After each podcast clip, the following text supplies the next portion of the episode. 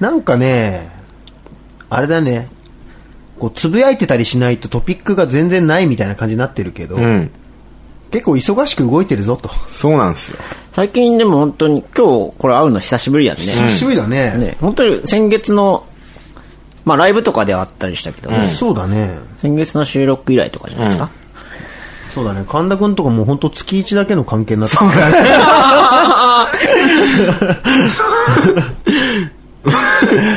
僕はすごい会いたいんですけどね。はい。なくて、会いたくて。震えて る。震えてるんですよ。そうか、そうか。アナがね、アコースティックツアー行ってきたんだよね。僕は、そう、まさにツアーを回ってきて、東京は、あの、潜水君が来てくれて。 あの、残念ながら、 あの、タイに行っておりまして。そう、神田君はタイに行ってた。 そうだね。そうなんですよ。もう、被ってしまって、もう泣く泣く行けなかった。泣いてはいなかったと思う。 ハウアだったでしょ。泣いてました。 泣いてました。まあそのタイの話は、あと後あほど。後ほど、はい。たっぷり聞くとして。はい。でもツアーすごい良かったけどね。あありがとうございます。あのアコースティックセットは今後やっていかないのまあなんか、そう、ポツポツやってこうかなっていう。なんかその、小出しに言ったけど、ジ・アナっていう名前で。え何何 何どうしたのあの、アコースティックセットの時は、ジ・アナっていう名前にした名の。前にして、やってこうえ、かな。なんで G つけたのあのね、その、あれさ、その、練習1日10時間とか座ったままでさ、んみんな G になって、あ、じゃあ、地に点々の方のジアーナ。 ジアーナだ。リアーナだ、リアーナ的なね。そうそうそう。まあなんかね、たまあ、次のアルバムとか出れば、なんか結構アコースティックっぽい曲もあるから、うん。よもっとやるかなとは思うけど、まあしばらくはまた、なんかさ、プラネットとかもさ、あのー、あれでやってたじゃんアコースティックバージョンで。なんか、ハマり良かったけどね。そう、結局なんか ね、うんって聞いてるよ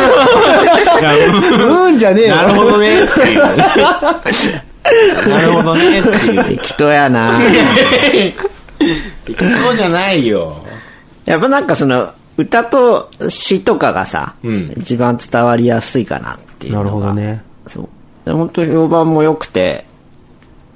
まあ、なんかこう、2パターンでやっていけたらなと思ってるんですけど ね。なるほどね。叩けえだ。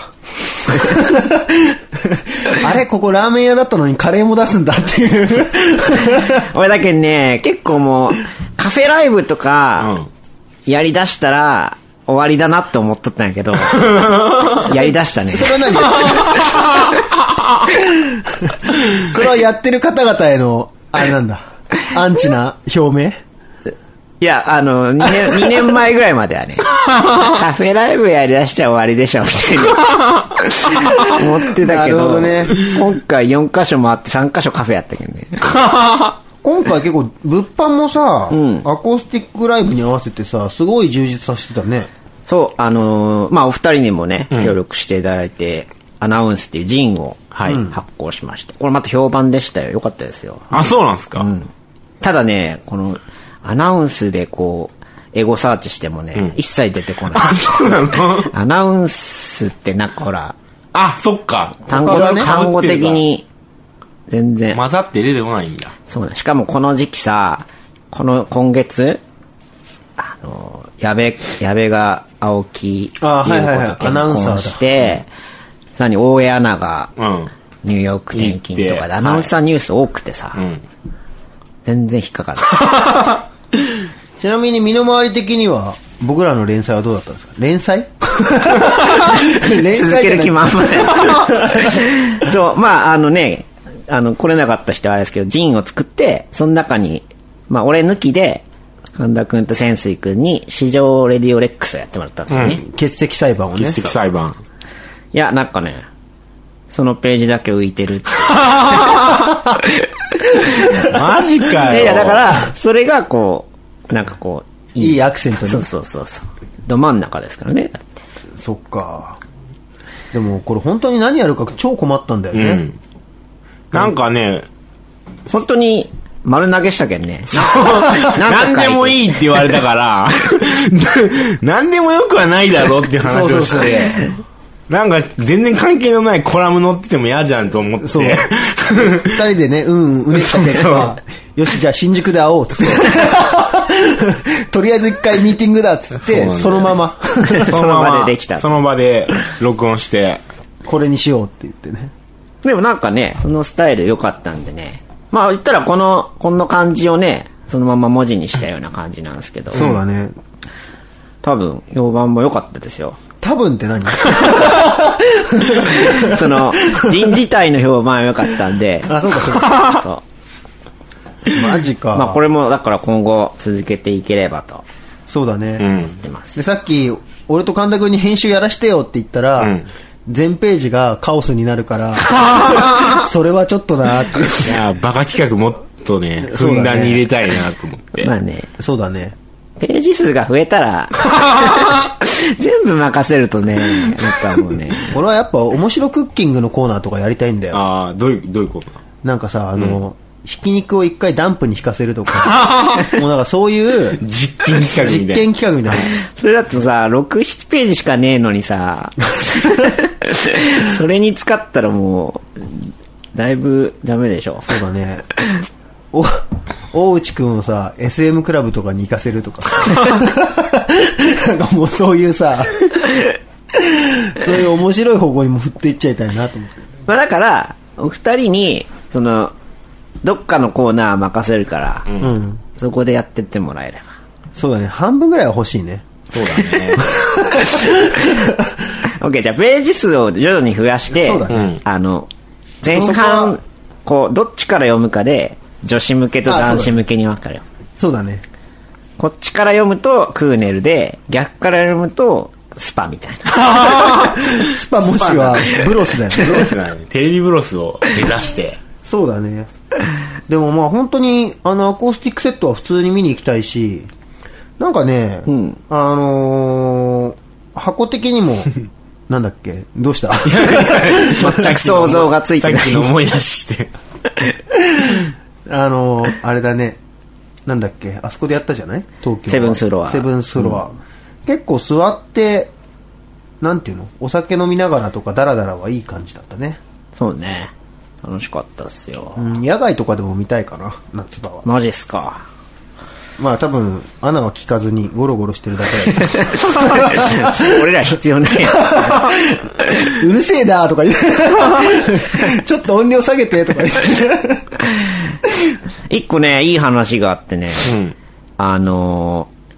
ーなんか、ノルウェーのあれって曲があるんですけど、うんうんそれを、なんかちょっとこう、結婚式とかで、いや結婚式で歌ってとか言われんか。ウィークエンド何回かやってるよ。あそう結婚式で、ライブ。そういう時にさ、歌う曲がなくてさ、アナ。なんか代表曲がさ、その心はだんだん離れてとかさ、ずっと断りよってさ、で、なんか歌う曲作ろうって作ったのがそれでさ、で、それはこう、まあライブで普段あんまやらんちゃうけど、アコースティックでやることになったけどさ、その各会場で、なんか結婚する人とかいますかって聞きよったらさ、東京おって、なんかファンの人で、で、じゃあその人にこう、プレゼントみたいな感じで演奏したんですけど、で、後日、フェイスブックでメールが来て、本人から、あの日はありがとうございました、つって。で、彼女と、その、旦那さんも来とったらしいんだけど、実はなんかその、僕らは、あの、ミクシーかななんかそういう SNS で、んアナズ、アナのその、へえ好きってことはいはいではい知り合って、で、二人で一緒に、アナのライブを見に行ったのが初デートで、へえ。それから4年ぐらい付き合い出して、で、結婚、今年結婚が決まって、へえ。で、あ。れだったから、深い話いいね。こんなんあるない。もうこんなん、にすごいね。西野かなか穴かぐら西野アナ だね。そうあ、なんだ。そいでもね、そのね、その、男の方がね、メールをくれたんやけど、その結構長文で、本当にありがとうございましたって書いてくれてたけど、その初めから終わりまで、ずっと曲のタイトルを、ランデブーって間違っとった。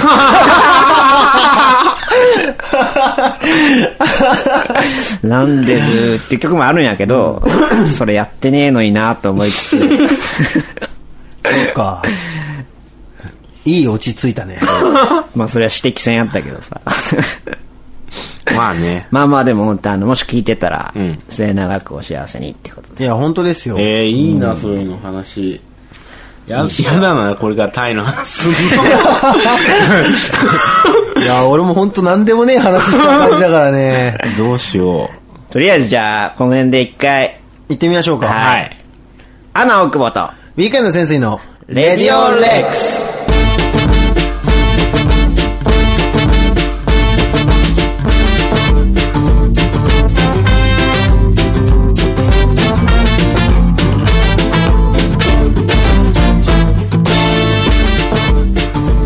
はい、ということで改めまして、アナ大久保です。ウィークエンド、かっこ仮の潜水です。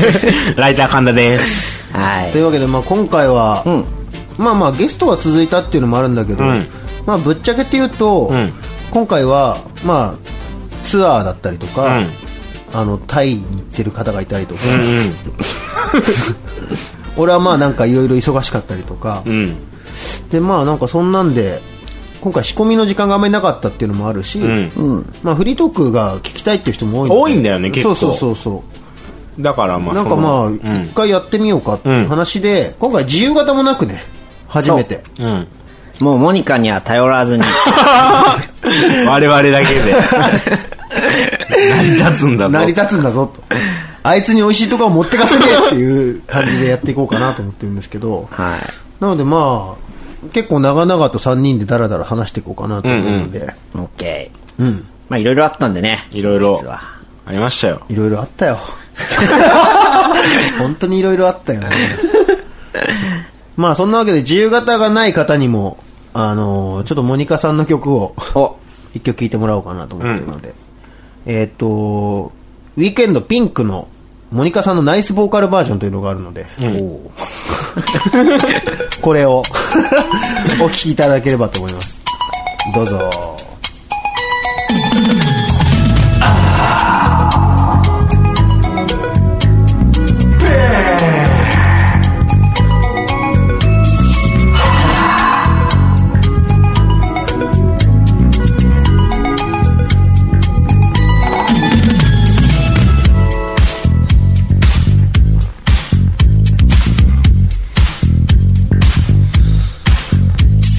ああこれ以上気持ちを抑えるなんてさ思いが膨らんでどうにもできないこうしていつまで偽りでいたいの本当のところは分かっているはず住むのさ負けないで上りまた落ちてくうねるくなぜゆえに涙の数だけ強くなれるから冬の空君といたい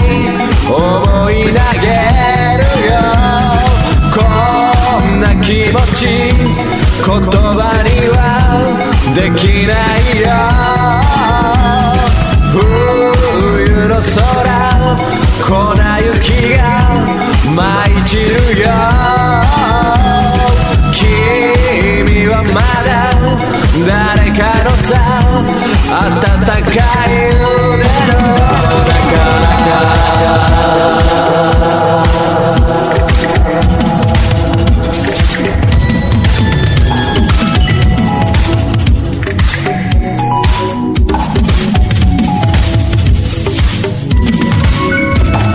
う噂は誰かのジェラシーいいかい事件は現場で起きてる僕を見て跳ねるように夜行性水あげて二人の育てよう大切に僕らは愛の花咲かせよう冬の空君といたい思い投げるよこんな気持ち言葉にはできないよ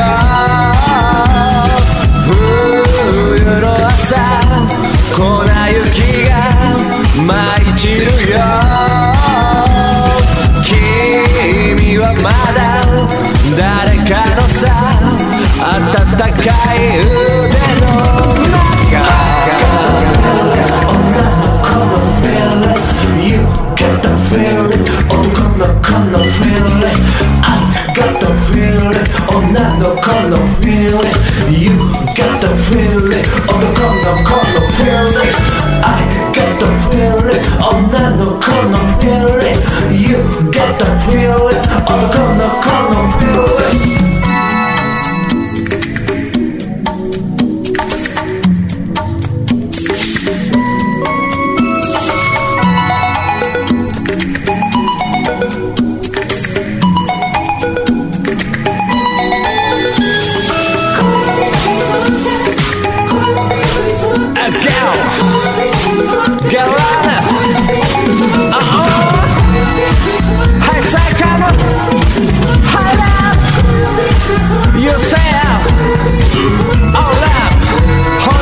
だけだぜ本当のキスを Yeah 君と一緒にいれるこの瞬間を大事にしよう Oh Go Hey Go Hey Go Hey Go Yo Yo Yo Yo Oh Oh Oh Oh さらさらさらふわふわ Yeah Go Go Shout shout, shout, shout, shout, shout, shout, shout.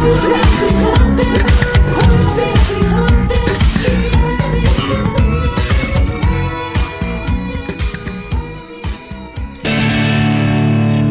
ウアナ、大久保ィークエンド潜水のレディオレックスにゃ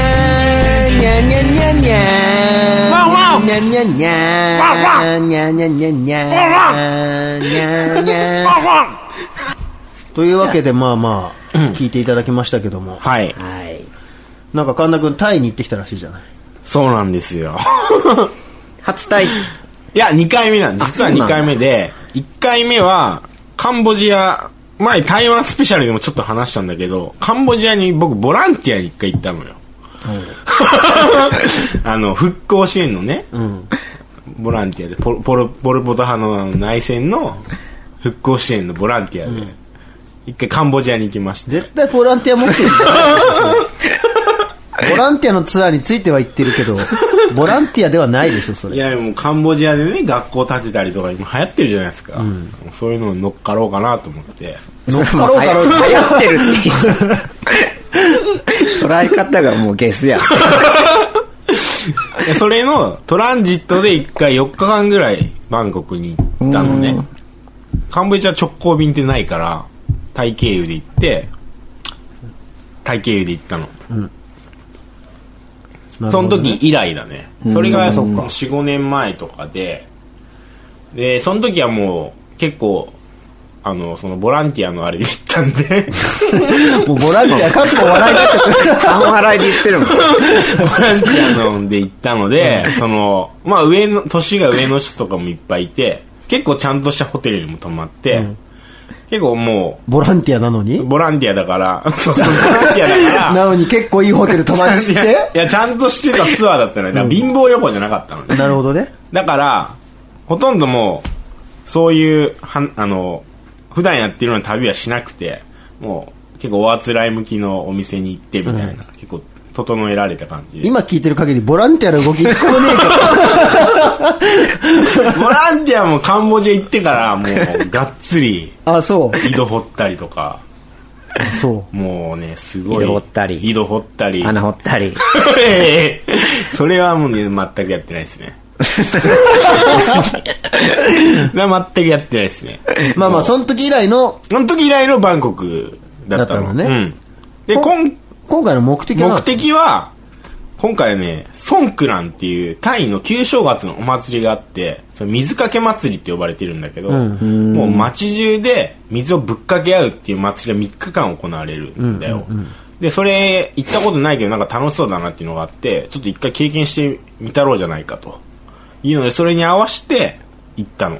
それが最大の目的かな、一応。で、なんかネタがあったら、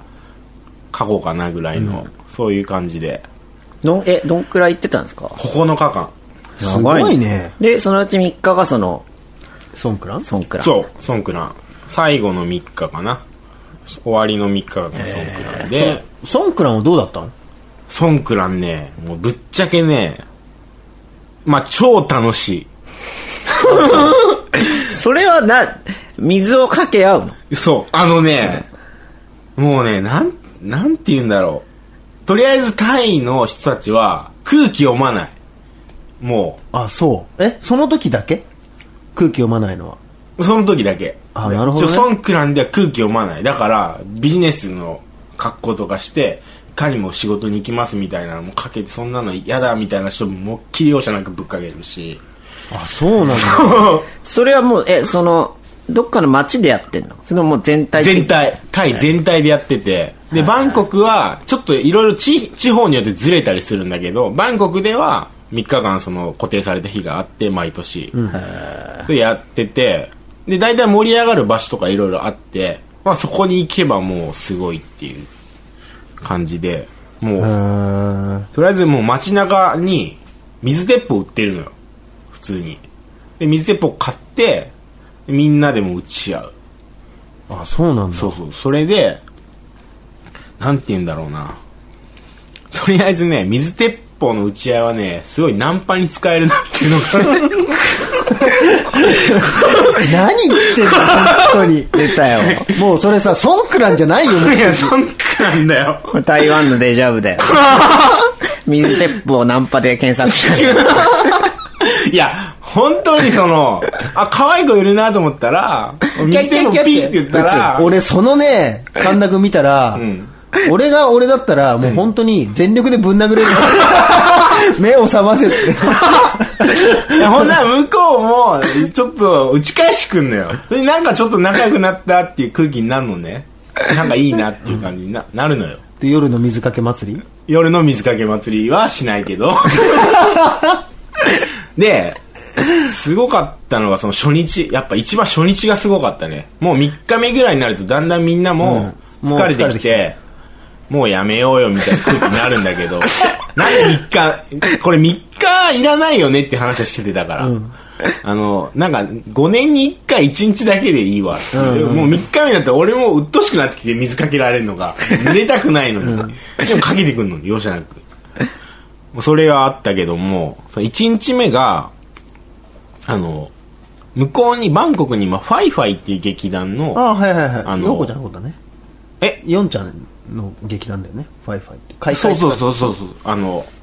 そこで演出をやってた篠田さんっていう人あーはいはいはいはいが、今、ファイファイを辞めてんう、バンコクに拠点を移してる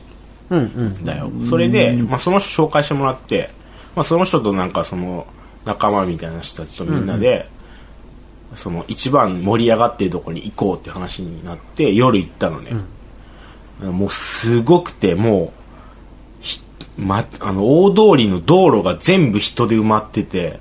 もうそこでみんなもう水ぶっかけ合っててーでしかもクラブミュージックがもうバックオンで流れてるのねみんな踊りながらもうびっしょびしょになりながらもう踊ってんだよだからねなんか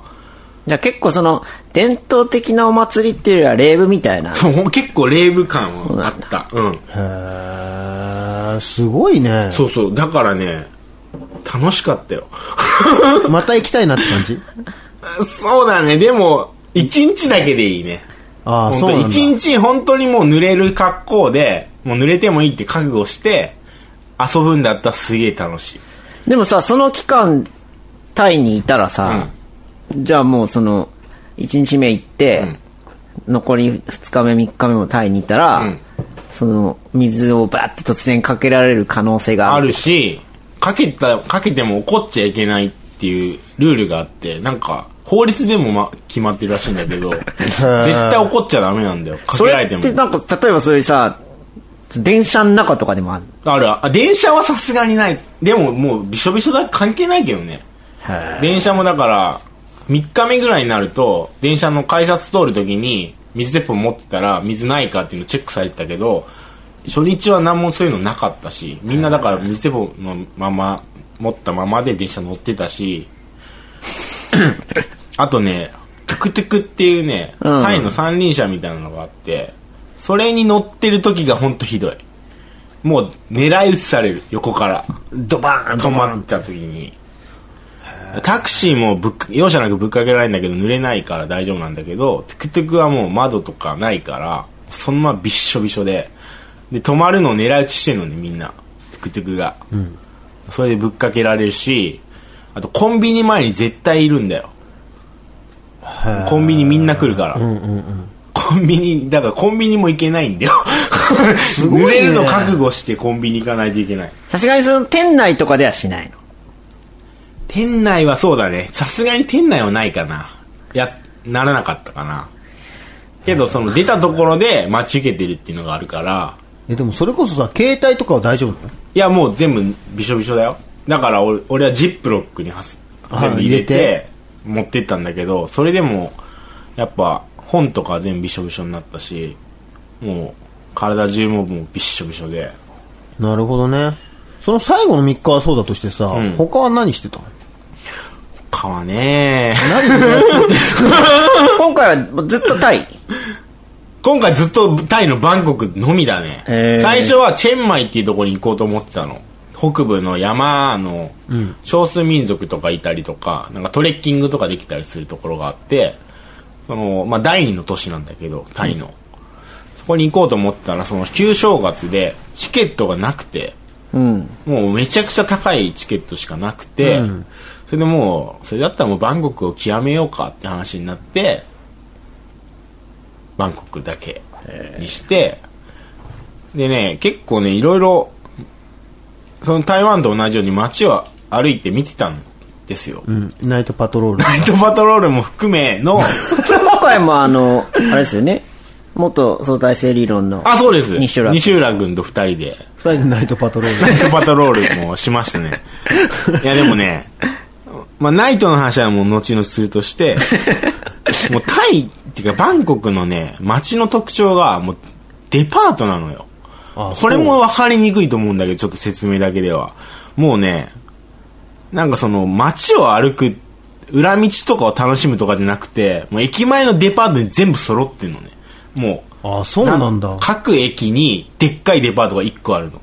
の絶対にだからどっかのデパートに行くとかいうデパートでもなくもうどこ行っても一緒っちゃ一緒なんそうだまそう一緒なのよじゃあ面白くないねそうなの よで最初なんかしっくりこないなと思っててなんか裏道とかもなんもないしその駅前にでっかいデパートがあってショッピングモールねだから、うんショッピングモールがあってそこに全部基本的には固まってる感じでだからあんまりなんか歩いてもなんもないのよでこれちょっとうーんと思って失敗したかなとか思ったんだけど、けどねあの別のところにちょっと連れてってもらって機会があって、あの地元の人しか行かないっていうところをホイクアンっていう北部の町なんだけど、そこがね超良かった何が良かったのもうね、あの、僕ら考えてるアジアの市場っていうのがあって、もはあなる結ほど構ねイメージ通う、りイの。メージ通りのもう、屋台がガーって並んでて、もう安くて、えみんなそこで地元の人たちだけが食べててみたいな。うんうんうん屋台街ともう何でも売ってるようなあの雑貨屋さんがバーって並んでて、で間間にはマッサージ屋さんもありの、でまあそうだねそういう感じのところがなんかねあんまり歩き方とかにも載ってない感じの本当に地元の人しか行かなくてなんかねバンコクの街ってすごい夜早いのよそれもなんかちょっとね、つまんながく、ってかりだったねそう。もうね、店がね、だいたい10時には絶対閉まるんだよね。あ、そうなんだ。そうそうそう。でコンビニもそんなにないし、なんか、イメージ的にはなんだけどさ、タイってさ、まあ、タイ料理じゃないけどさ、結構さ、その屋台文化みたいなのがありそうなイメージそうなのがよあるじゃん。それがなかったからびっくりして。でもデパート文化なんだみよん。なさ、そのさ、でもさ、屋台料理みたいな、例えばなんか、うんパパイヤのサラダとかあるじゃんさ。うんうんあれなどこで食うのそデのねパート。そう、デパートのフードコートがあるのよ。もうそれはじゃああ、観光地化されてるってこといや、みんなでも地元の人もフードコートで食べてるね。あそうじゃあもうその国自体がちょっとこ、そうう。成長してってそんう、だ。そうだね。なんかさ、洪水後でなんかそうなっちゃってるとか、そんなんじゃないいや、そうなんでもないと思う。なんかもう、なんかね、一言で言うと本当デパート文化なんだよね。あそうなんだ街の構造が。日本のあれだね、あの、地方みたいだね、そうそうそうそうそう。なんか、とりあえずイオン行こうぜ、みたい な。なるほどね。全部だからデパ、でっかいショッピングモールが本当ね、何個あるんだろうっていうぐらい、その一番の繁華街、シーロム、サイアムっていうところがあって、サイアムがなんか、まあと、原宿みたいな感じって言われてんだけど、で、原宿みたいなのを想像して行ったらさ、全然ショッピングモールが10個ぐらい並んでるわけ。ああ、なるほどそうね。そうそう。で、なんでこれが原宿なんだよとか思ったりとか。へえ結構でも、がっかりはがっかりだね、そうなっちゃうと。そうでもそこがでも若者たちが集ま集まるんだけどみんなショッピングモールで遊んでるへえそうだからなんかそのちっちゃい氷の店があんまなかったっていうのは結構まあ悲しくあったんだけど、その分保育園でじゃあ行くなら保育は。そうそれでしかも保育園は夜中の2時から盛り上がるのよそこだけああ、もう神田くんのあれじゃん。 そう無敵の時間じゃん。そうそうそう朝まで夜中2時から朝までの屋台会みたいなところでへもうほんとそこは穴場だから行ってほしいへえそこをナイトパトロールしてきたの。そうなん です。つながるんだけど、そこの、あの、保育園の近くには、え、マッサージパーラーっていうのがあって、パーラーマッサージパーラーっていう業態のね、お店がいっぱいあって、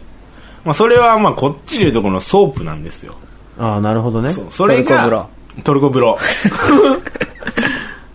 トルコ風呂がいっぱいあって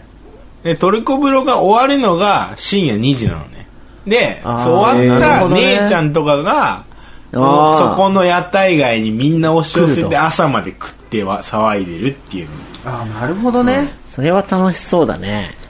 でそのほ北部の町なんだけど保育園はその北部に走るまあ国道みたいなのがあって、うん国道沿いにホテルみたいな感じでそのマッサージパーラーがいっぱいあるんだよね、もうネオンがギラギラしててもうその感じがねなんかね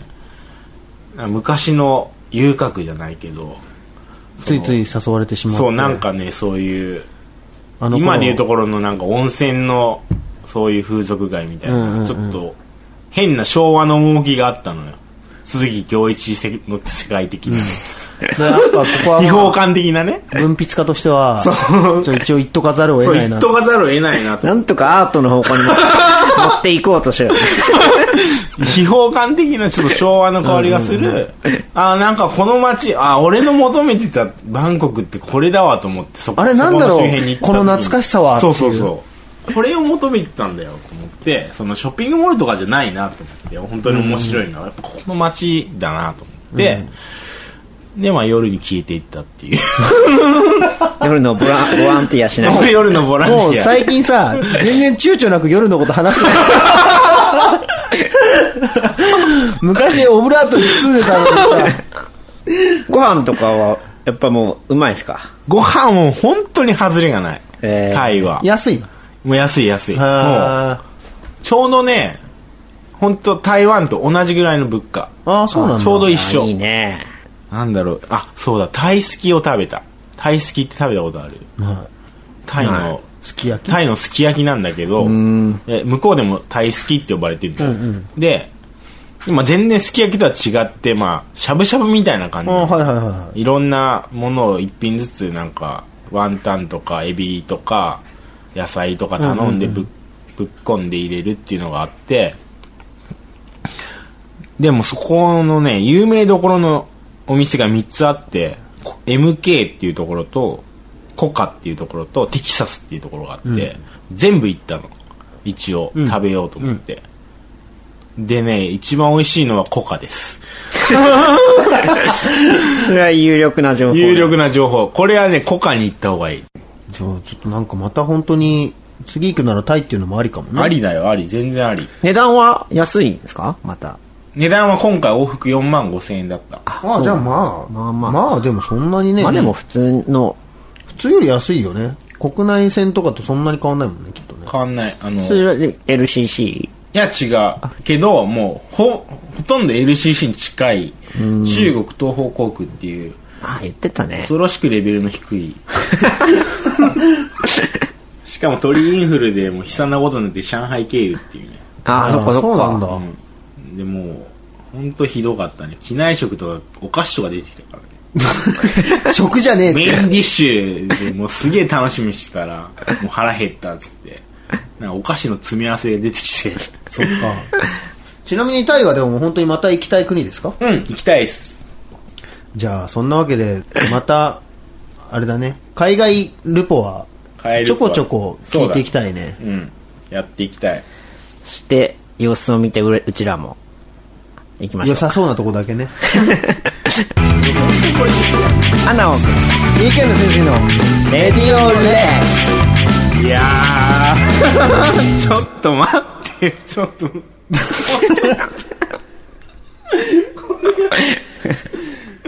ってたどりを聞かないごめんはいというわけでフリートークスペシャルはい。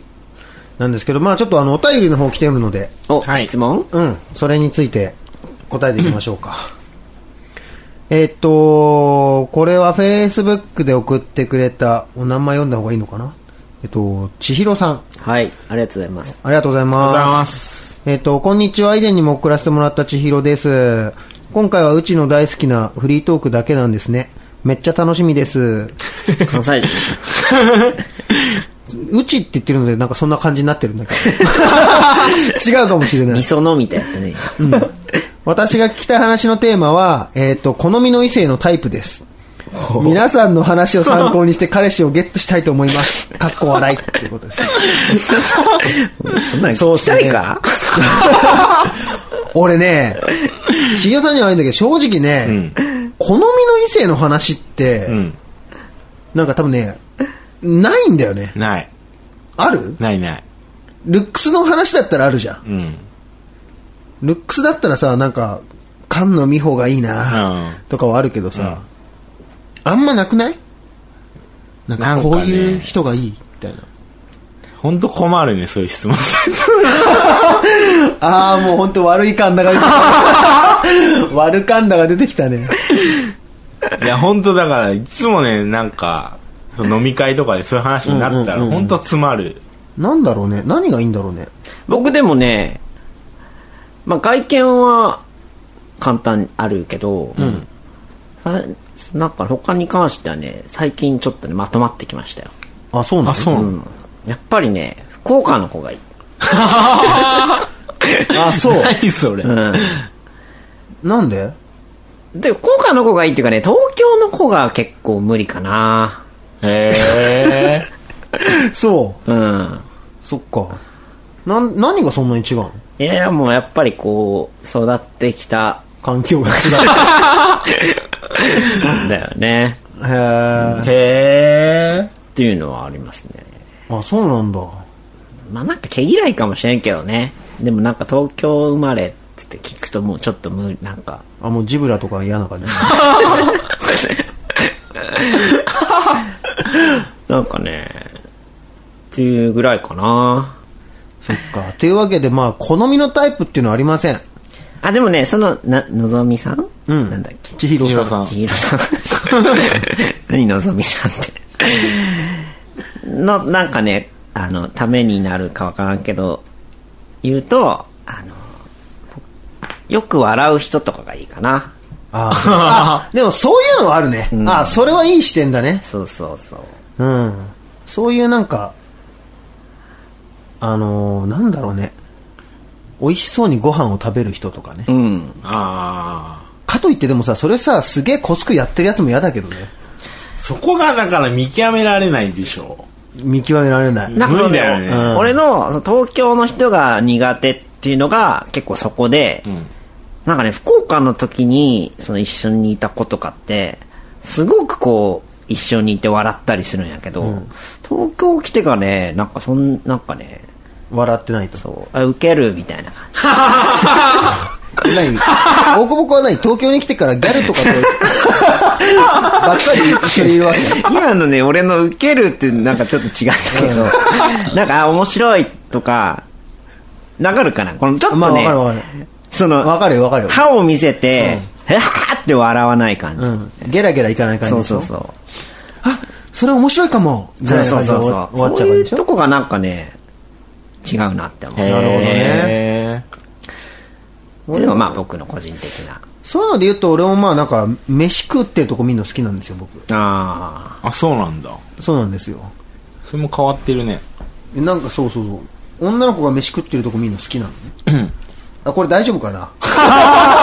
これやばいかもしれない。ごめんね千尋 さんそんなつもりはないんだけど、あのね多分ねその俺たち多分ねその異性の話とかがねとか恋の話とかがね苦手なんだよね、うん。きっとなんですよ引き出しがない。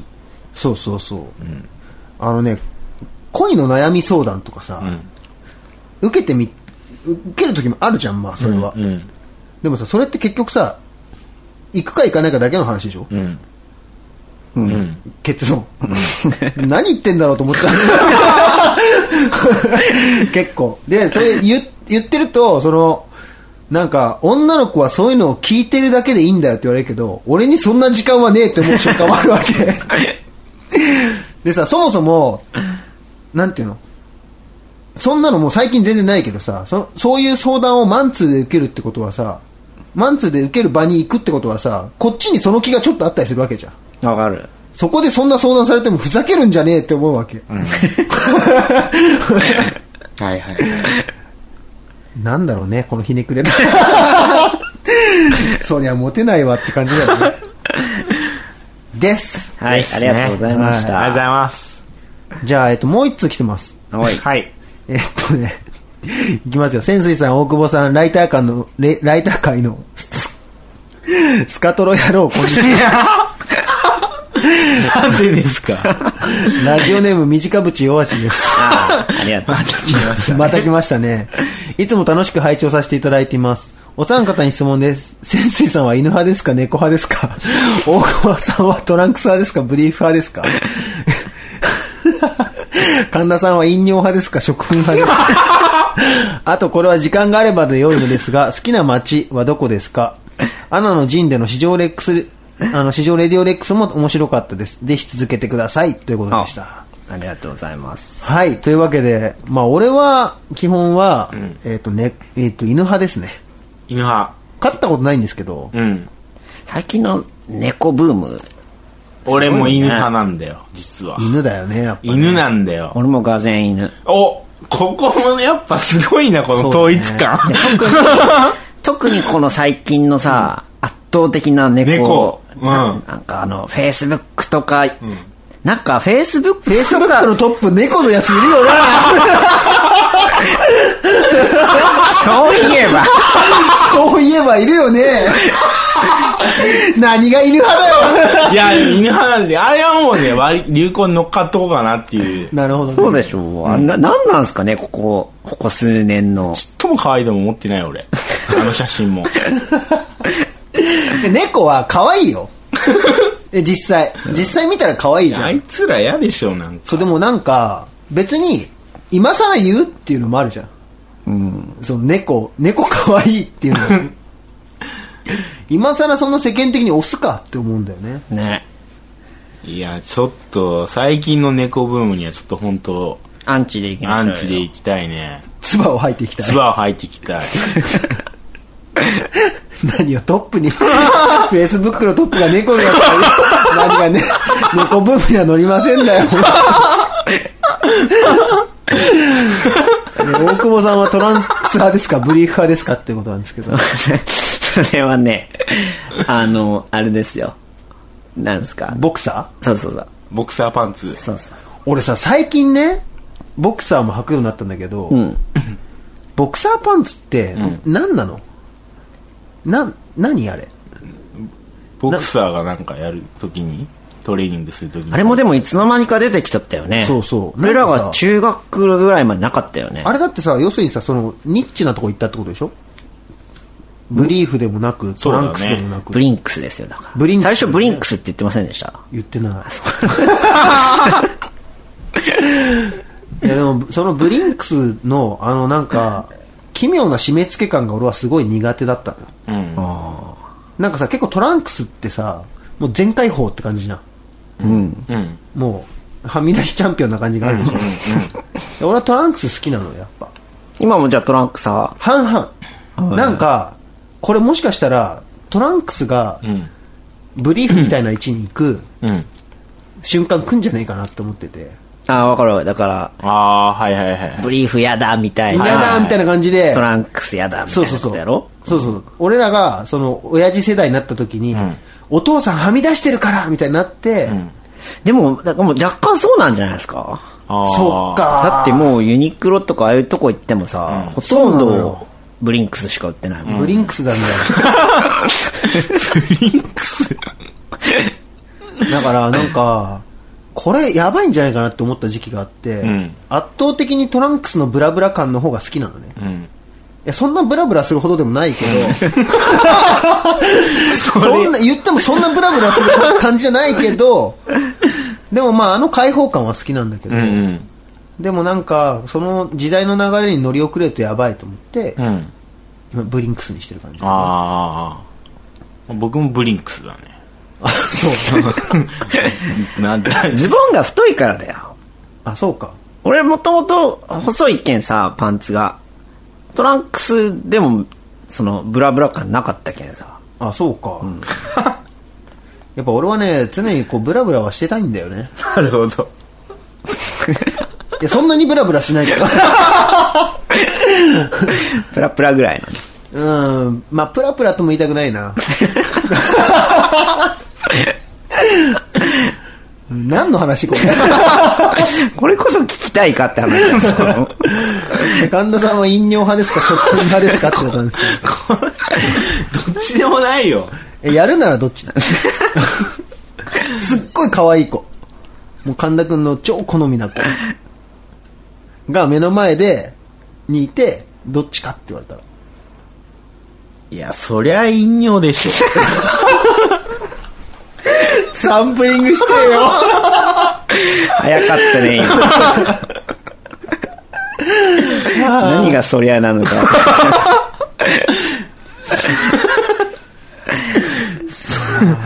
飲料だよね。そっか、ういん。やでもさあそっかまあでもどっちも嫌だなどっちもやだよ、俺も。 あとまあこれは時間があれば良いのですが好きな街はどこですかということなんですけど実はなんかねこれやろうかっていう話もあったんですよね、うんみんなで大々的に、うんうん。あのーこの間ゴメス君がうん。あのこの辺の本駒込とかあー本郷とかのあたりが好きっていう話をちょこっとしてたじゃないですか、なんかだから街やろうかって話もあったんだけど、うんうん。なんで次回街とかやってみますそうだね。お、それで特集みたいなうん感じで。、なのでこの短節弱しさんうん。空気読んだメールでした ねなのでそうだねうん、次回はじゃあこの好きな街をやってみる特集ってのではい。いいですまあ後で後でまた詳細をあのちゃんと喋るのではい。了解。以上がじゃあお便りでした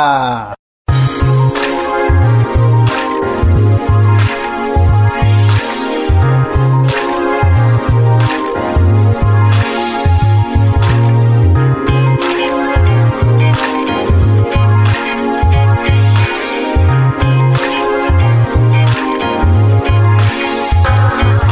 踊りなよベイビーそうそのままでいい踊りなよベイビーそう猛暑みたいに踊りなよベイビーそうそのままでいい踊りなよベイビーそう猛暑みたい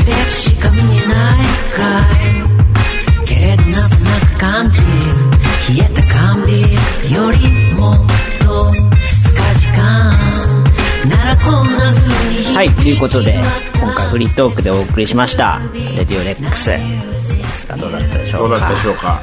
どうなんだろうねフリートークで1時間ってちょっと感想欲しいというか感想欲しいよね、これでよければねこれでいいんだったらフリートークを徐々に拡大していくっていうこともね方向もあるからまあでも結構使えなかったですからね結構ねやっぱ暴走しちゃうねそうだねなんかフリーで話してるとどんどん俺らがただただクソになっていくような気が文字通りクソの話してました スカトロの話してましたからねするスカトロってでもすごいもんねすごい人間として究極だもんねいや究極ですよだって永遠に生きていけるんじゃないうまくやったらループですからねエコでしょ宇宙で生きていきますからそうだねこんな話でいいのかなダメで しょちょっと待って ちょっと待ってエンディングちょっと一回ここから仕切り直そうよ分かったは今い回フリートークでお送りしましたけどもはい そうだね初の試みだっ初の試みたモニカにも頼らずうん僕俺らのたちは俺たちの道を行くんだそうでも次回から復活するけどまあたまにはいいんじゃないかなぐらいのそうだねまあなんか定期的にね、なんダラかダラと喋りましょうよそうだねフリートークどうだったかっていうかこのこのスタイルもどうかっていうのもちょっとメールとかもいただきたい本当にあのトークテーマさえもらえればいね、やでもさ恋愛相談の盛り上がらなさかったら なかったよやっぱねやっぱ、F、AM ラジオの王道として先週あったことを今週喋るみたいなのあるじゃん最初はいのはいオはいープニングにね、それがねでもそれでまあ1時間持つけどね1ヶ月ですからね、うんそうだね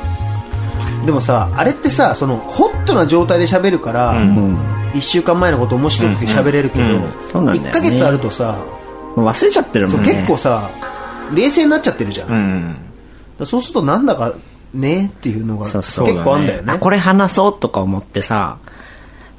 整理とかしよううちにさ、じょどんどんこう膨れてったりするもんね、そうだね話が、うん気づいたらすげえ捏造してる時あるもんね あれっていう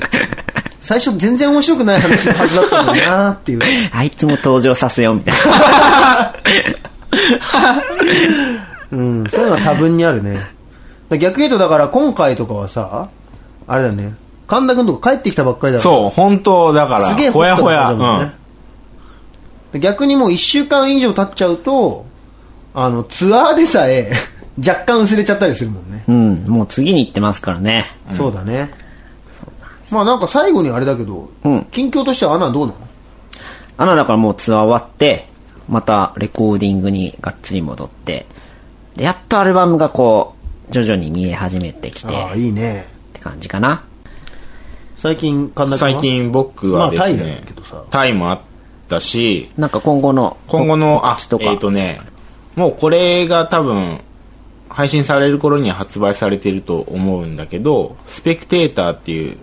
雑誌の最新号が発売されてます、えっ、と今回は「小商い」っていう特集でスモールビジネスをちょっとみんなでやってみようじゃんみたいな、そういう話で僕がねその小さい商売を始めた人8人にインタビューしてて結構ボリュームのある感じでやってますなるほどね。っていうのとあと「週刊金曜日」っていう、まあ、雑誌があるんですけどそこで連載が始まりましたああ、ついに。ついにそれもねタイトルが「犬とキャラバンと祝祭と」っていうね小沢健二の丸パクリのね、神田君は何小沢健二になりたい人なのいやいや全然そうなんかねタイトルと考えると小沢健二発想になるんだよねあなるほどねだからすごいね今回もすサブカル女子に嫌われないように気を使って考えたつもりなんだけど犬キャラ犬キャラ略してで犬キャラ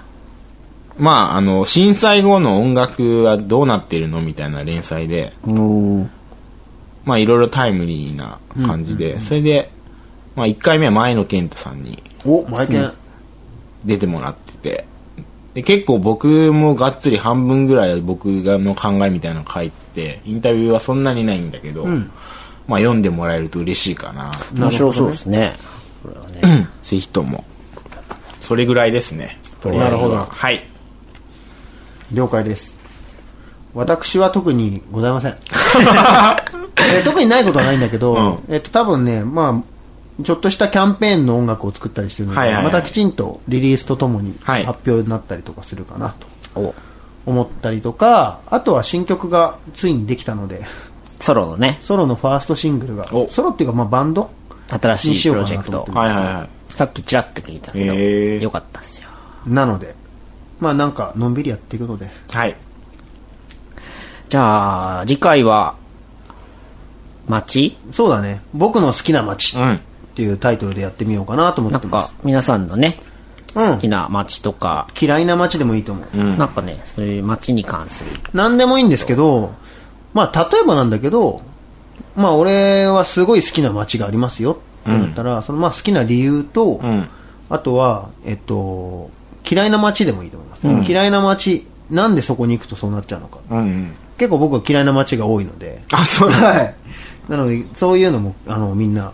書いておくとしいなって街とか沿線とかでもいいですね。そうだねん東京に限らず、この辺の雰囲気が好きですとか、うんそれこそまあ神田君だったら台湾の街が好きですとそうかだねし、 なんかどこでもいいです、うんまあでもそういう東京東京というか日本だとみんな分かりやすいっちゃ分かりやすいからね、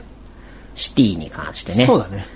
シティボーイが流行ってるからねそうだね。ポパイもシティボーイでしたね。そうだねあの縛りそろそろいらねえんじゃねえかもっとやるんじゃないあれ で。やっていくのかな、うん。そっかそっかなるほどねそんなわけでじゃあフリートーク1時間スペシャルでした、はい。じゃあ次回からは通常運転になるので、はい皆さんよろしくお願いします。じゃあ、お疲れ。レックス。